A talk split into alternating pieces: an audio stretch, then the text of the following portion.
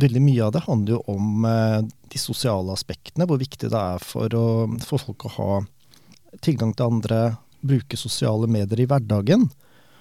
Den forventningen om at man er tilgjengelig, det, er, eh, det varierer jo veldig fra yrke til yrke, eh, fra person til person. Men sånn gjennomgående så er det sånn at man, man forventer å gi respons på veldig mange ting. Så det er jo tilgjengeligheten i seg selv av særlig smarttelefon er et veldig sånn viktig element. Det sa Faltin Karlsen. Han er professor ved Institutt for kommunikasjon på Høgskolen Kristiania. Og mitt navn er Arne Krumsvik.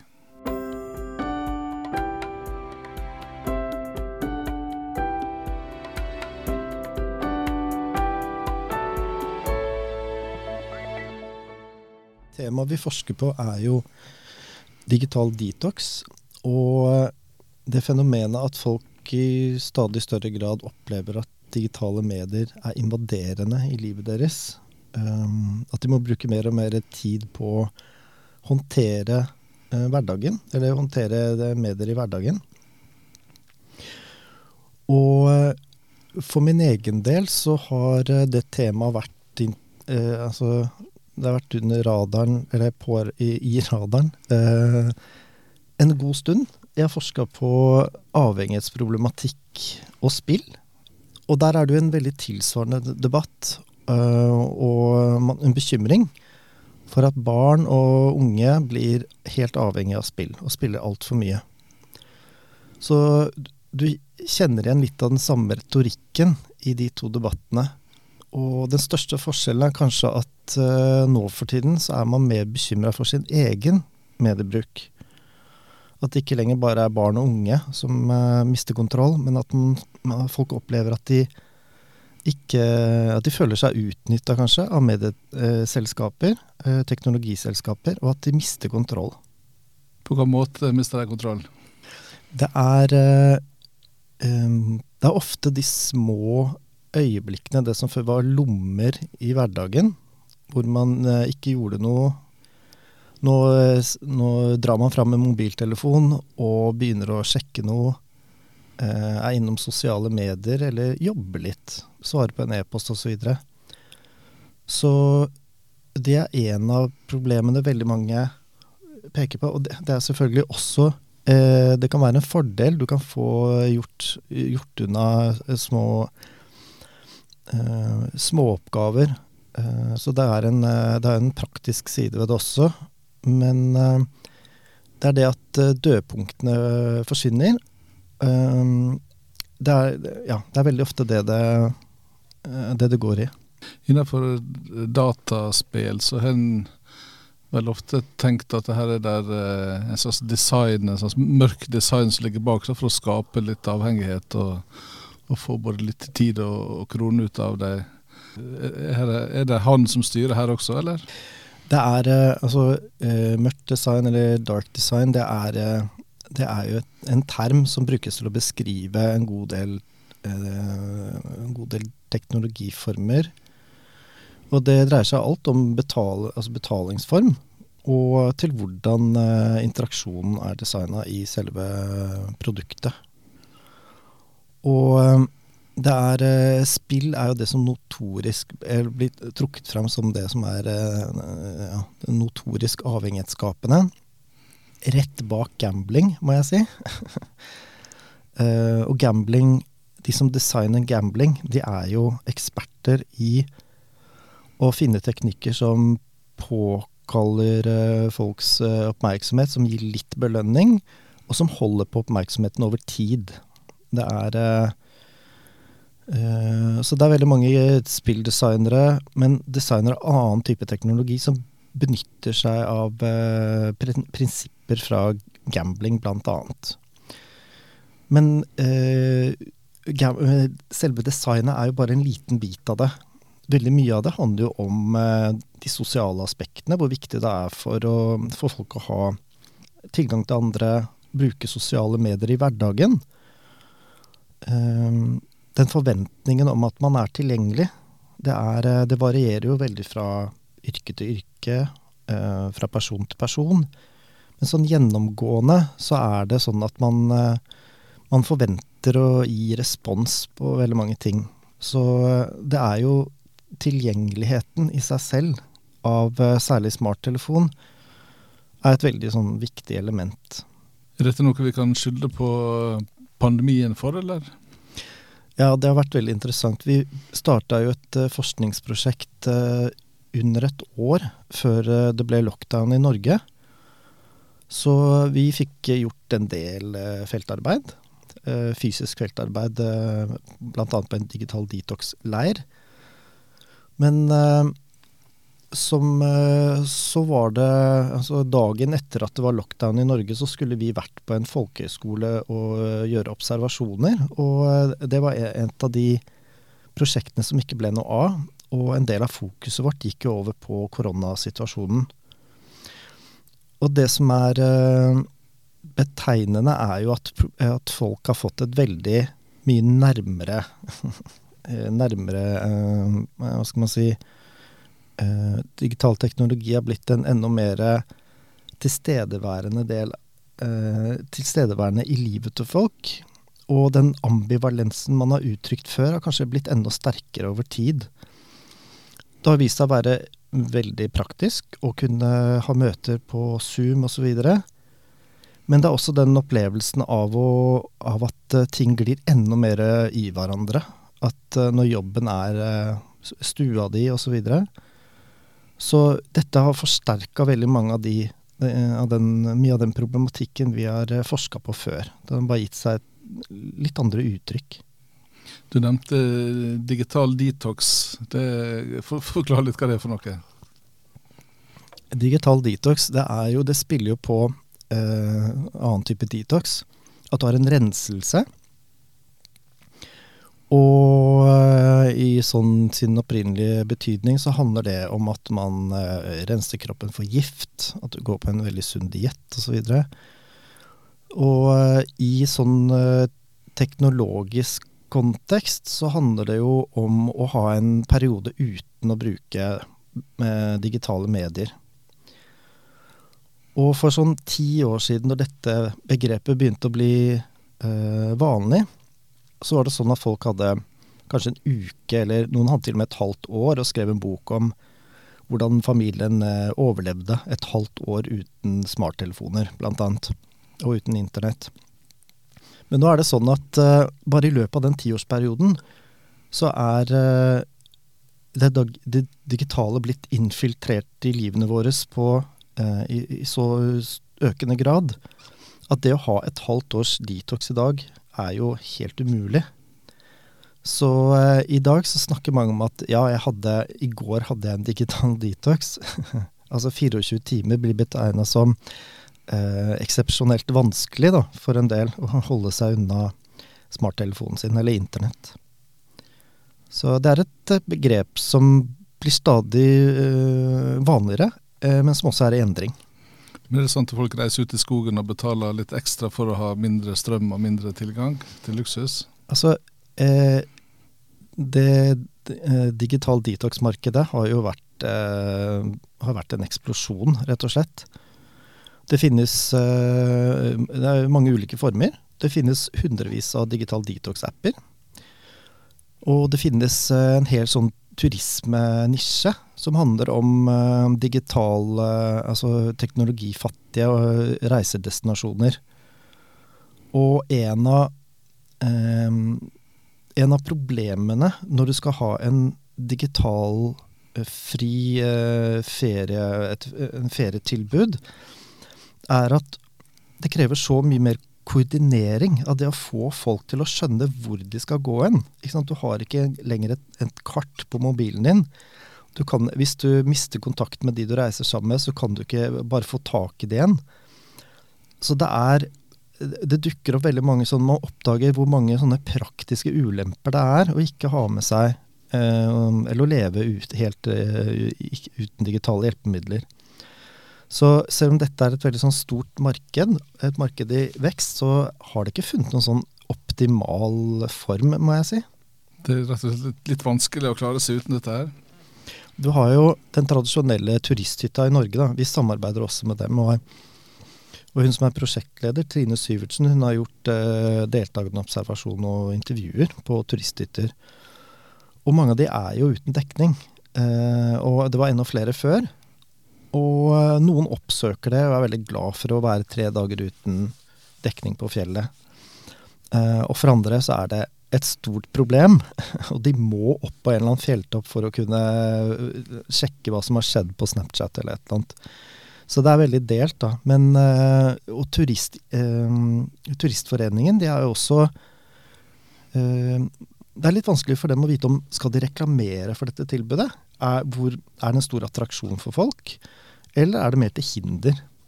Så det er også sånn en næring som er på en måte liksom, som spør seg litt hvor er det egentlig vi skal hen, hva kan vi tilby, hva er, hva er, det folk vil ha?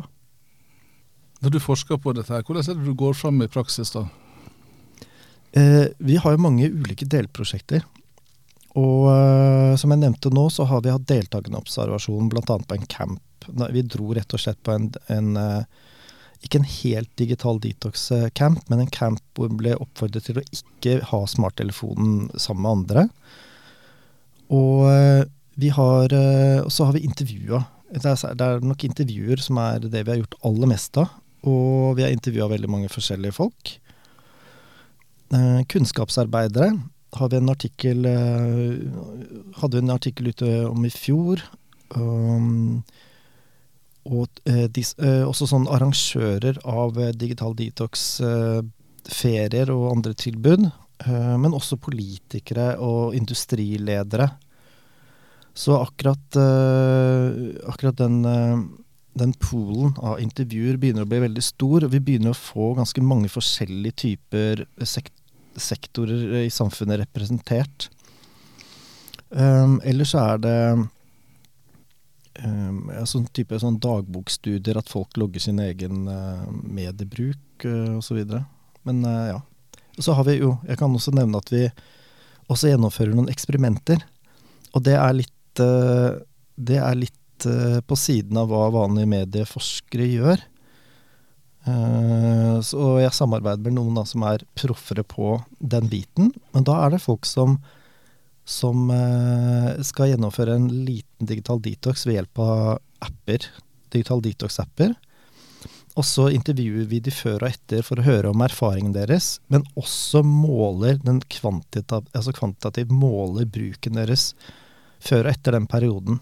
Uh, så er, der har vi ikke noe veldig klare resultater ennå, men vi er akkurat ferdig med, med innsamling av data denne bekymringa som, som, du nevnte, som kanskje har, økt i disse siste par åra, er, eh, er, den likt fordelt, eller er det noen som bekymrer seg mer enn andre? Hmm. Det virker som om eh, den er ganske jevnt fordelt. Men man ser jo også her at, eh, som jeg sa helt innledningsvis, at det som er litt annerledes i forhold til tidligere bekymringer, er at voksne mennesker med stor autonomi, som, eh, som eh, er ressurssterke på mange måter, bekymrer seg for sin egen bruk. Det er ikke bare unge og svake grupper i samfunnet. Men det er jo også et snev av at man bekymrer seg for andre enn seg selv. Noen av de eh, vi har observert på sånn fjellhytter, så er ungdommene bekymra for at foreldrene ikke skal klare seg uten mobilen. Foreldrene sier det samme om barna. Uh, så det er uh, men, men, du finner det representert nesten overalt. Det vil jeg si. Også blant de politikerne vi har intervjua, som jo normalt er de nærmeste til å kunne regulere et marked. Finne, finne på en måte løsninger eller insentiver til å gjøre noe. De, de beskriver sitt eget digitale liv som Eller de, de er alltid på. Det er helt oppslukende, fordi de må alltid være tilgjengelig og, eh, og følge med på ja, samfunnsdebatten og ting som skjer. Men selv de sier at de kan ikke de, se for seg akkurat hvordan det, det, kan være mulig å gjøre noe med det. Så det er stort sett individet som ender opp med det store ansvaret. Uh, og ikke f.eks. arbeidsplasser, teknologiselskaper eller andre som jo kunne ha gjort noe. Disse her som prøver seg på ulike former for detox, da er det som å, det som å puste inn litt eh, frisk luft, og så er du tilbake igjen, eller, eller er det slik at, det er, eh, at en ser varig endring? Det er, det er, veldig interessant. Vi, vi, måler jo ikke effekt i noe særlig grad hos oss. Vi har veldig få studier som, som følger folk over tid, og som kan si noe helt uh, eksplisitt om det. Men uh, de vi har intervjua som har gjennomført uh, detox, de sier at de kommer veldig fort tilbake til gamle vaner, men det har blitt mer, mer bevisst. Og de har gjerne endra noen smårutiner. De har skjønt at akkurat da er det faktisk helt unødvendig for meg å ha med meg mobiltelefonen. Om det er inn uh, på senga når de legger seg, eller uh, en del av andre ritualer. Så det ser ut som om Eller som en, av, som en, av, informantene våre sa, at, var at det var utrolig deilig å ikke ha med, meg, ha med seg mobiltelefonen. Men så kommer du tilbake til hverdagen, og den er jo lik. Så kravene og forventningene, når de ikke forandrer seg, så er det vanskelig å gjøre noen veldig store endringer. Hvor viktig er disse her eh, forventningene fra andre? Er det noe som en bare eh, Er det opplevde forventninger fra andre, eller er det slik at vi forventer at folk eh, er på og svarer når du spør? Det er litt avhengig av setting, selvfølgelig. Hvis vi tar denne turismebiten, så er det sånn at foreldre, særlig mødre, har både en forventning til seg selv, til at de skal sjekke med barna hvordan det går. Så selv en, en, en gutt da, som er som backpacker et eller annet sted i India, eh, kan bare forvente seg å få telefoner fra moren og er nødt til å oppdatere hvordan det går. Eh, eh, selv, om, selv om målet har vært å kanskje komme seg vekk hjemmefra. Så det er én sånn type setting hvor du Uh, hvor det er en det er, det er, på en måte en innarbeida forventning om at man oppdaterer, eh, at man eh, forteller hvordan, at alt er bra. Men så har du på arbeidsplassen, og der er det jo uh, noen yrkesgrupper som har veldig høyt tempo, og som er avhengig av raske oppdateringer og mye kontakt. Så da er det også en sånn Der, der er det veldig vanskelig å finne finne, bli enige om løsninger. Arbeids... Uh, altså kollegaer imellom. Men på større arbeidsplasser så har man jo ofte en, kanskje, innført noen typer regler som gjør at Eller gitt noen føringer. Så folk skal ha en opplevelse at de faktisk har fri når de ikke er på jobb. Så ja. Hvordan, det, hvordan sier det seg uttrykk? Det er um, um, noen av de vi har snakket med, som eh, vi har bl.a. intervjua noen eh, kommunikasjonsdirektører, av folk som eh, jobber ganske eh, så høyt opp i, i, ledelses, eh, i ledelsen i eh, bedrifter. Og de sier at ja, ja, vi har jo, vi har jo sagt til våre ansatte at de må ta ordentlig fri og slappe av. Men hvis det skjer en ulykke eller en hendelse som gjør at uh, bedriften må respondere, så er det alle mann til pumpene likevel. Og folk melder seg frivillig. Det, og de klarer ikke å få, altså få staben sin mindre engasjert. det er, liksom, er det et problem, eller er det ikke? Det kan man jo stille spørsmål om. Men uh, sånn som du ser i en del andre land, sånn som Tyskland og Frankrike, så har man jo innført regler om at arbeidstakere kan, eh, kan la være å, å svare på e-post. Eh, man, man, har vært nødt til å på en måte gjøre noe politisk med det. For, å, for, å for at ansvaret ikke bare skal være opp til den enkelte.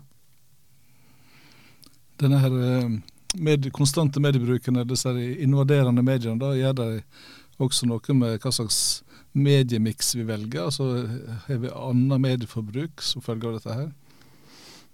Ja, det var et godt spørsmål. Det er øh, øh, Veldig mye medieforbruk foregår i kortere intervaller enn før. Uh, det er jo ulike sånne undersøkelser som måler hvor mange sånne vekkinger mobilen din har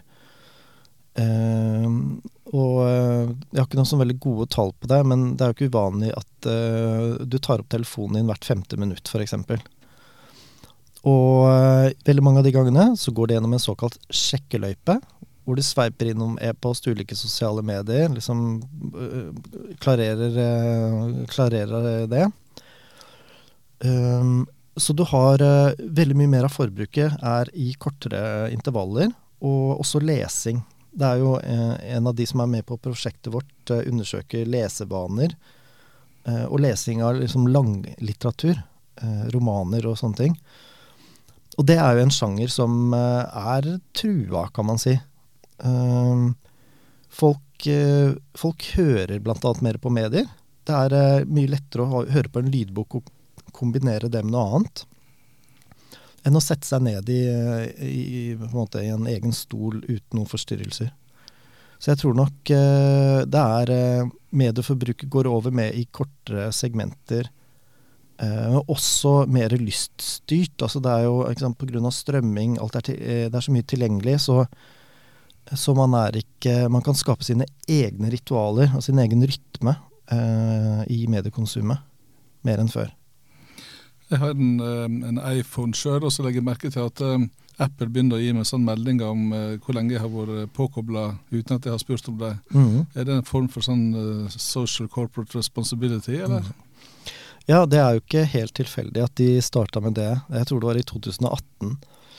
Da hadde jo kritikken av de store medieselskapene blitt veldig høylytt. Og tidligere medieledere gikk ut og sa at eh, Altså fordømte sin fortid og seg selv fordi de hadde oppfunnet like-knappen osv. Og så, og du ser jo en av de responsene er jo alle disse digital detox-appene, all den teknologien som andre utvikler for å forsøke å på en måte hjelpe til uh, hjelpe folk i den situasjonen, eller kapitalisere på det.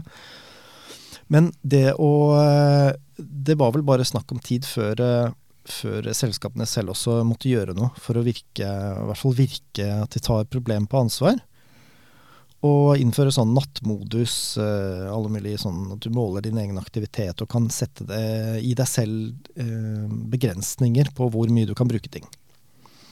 Og jeg tror nok eh, Jeg skal ikke si noe sikkert, men, eh, men det er eh, Det er vel ikke så folk, Også her så blir folk mer bevisst på sin egen bruk. Men hvor stor effekt det egentlig har, er jo veldig vanskelig å si.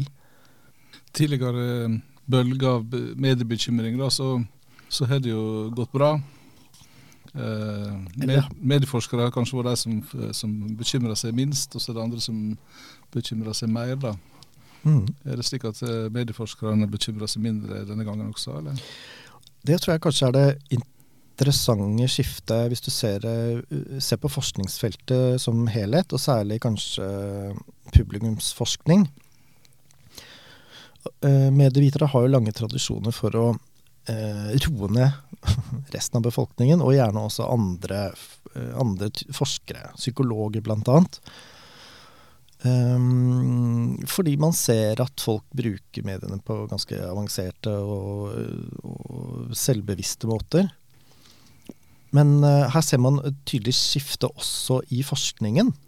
Hvor forskning på mediebrukere som ikke har til hensikt å, å fokusere på problematiske sider uh, duk, altså i, Blant funnene så er det så veldig tydelig trend at folk er mye mer ambivalente enn de har vært før. Så det har utvikla seg et felt uh, som nå kalles disconnection research.